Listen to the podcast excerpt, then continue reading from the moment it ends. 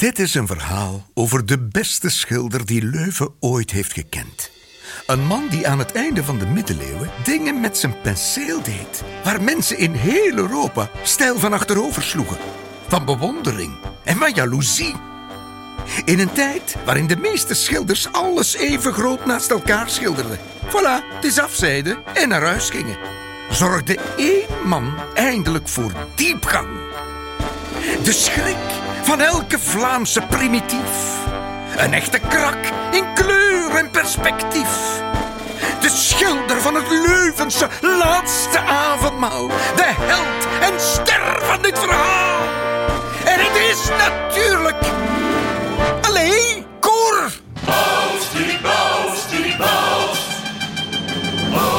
Ontdek het ware verhaal.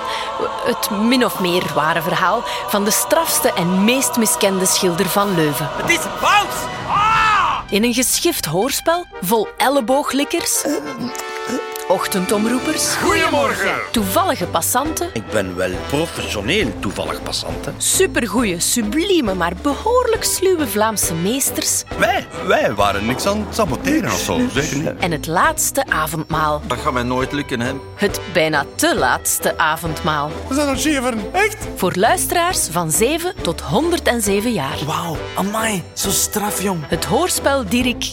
eh dinges... ehm Bouts werd gemaakt in opdracht van M. Leuven en is een productie van Het Geluidshuis. Vanaf 19 oktober te beluisteren op alle podcastkanalen en in de Geluidshuis-app.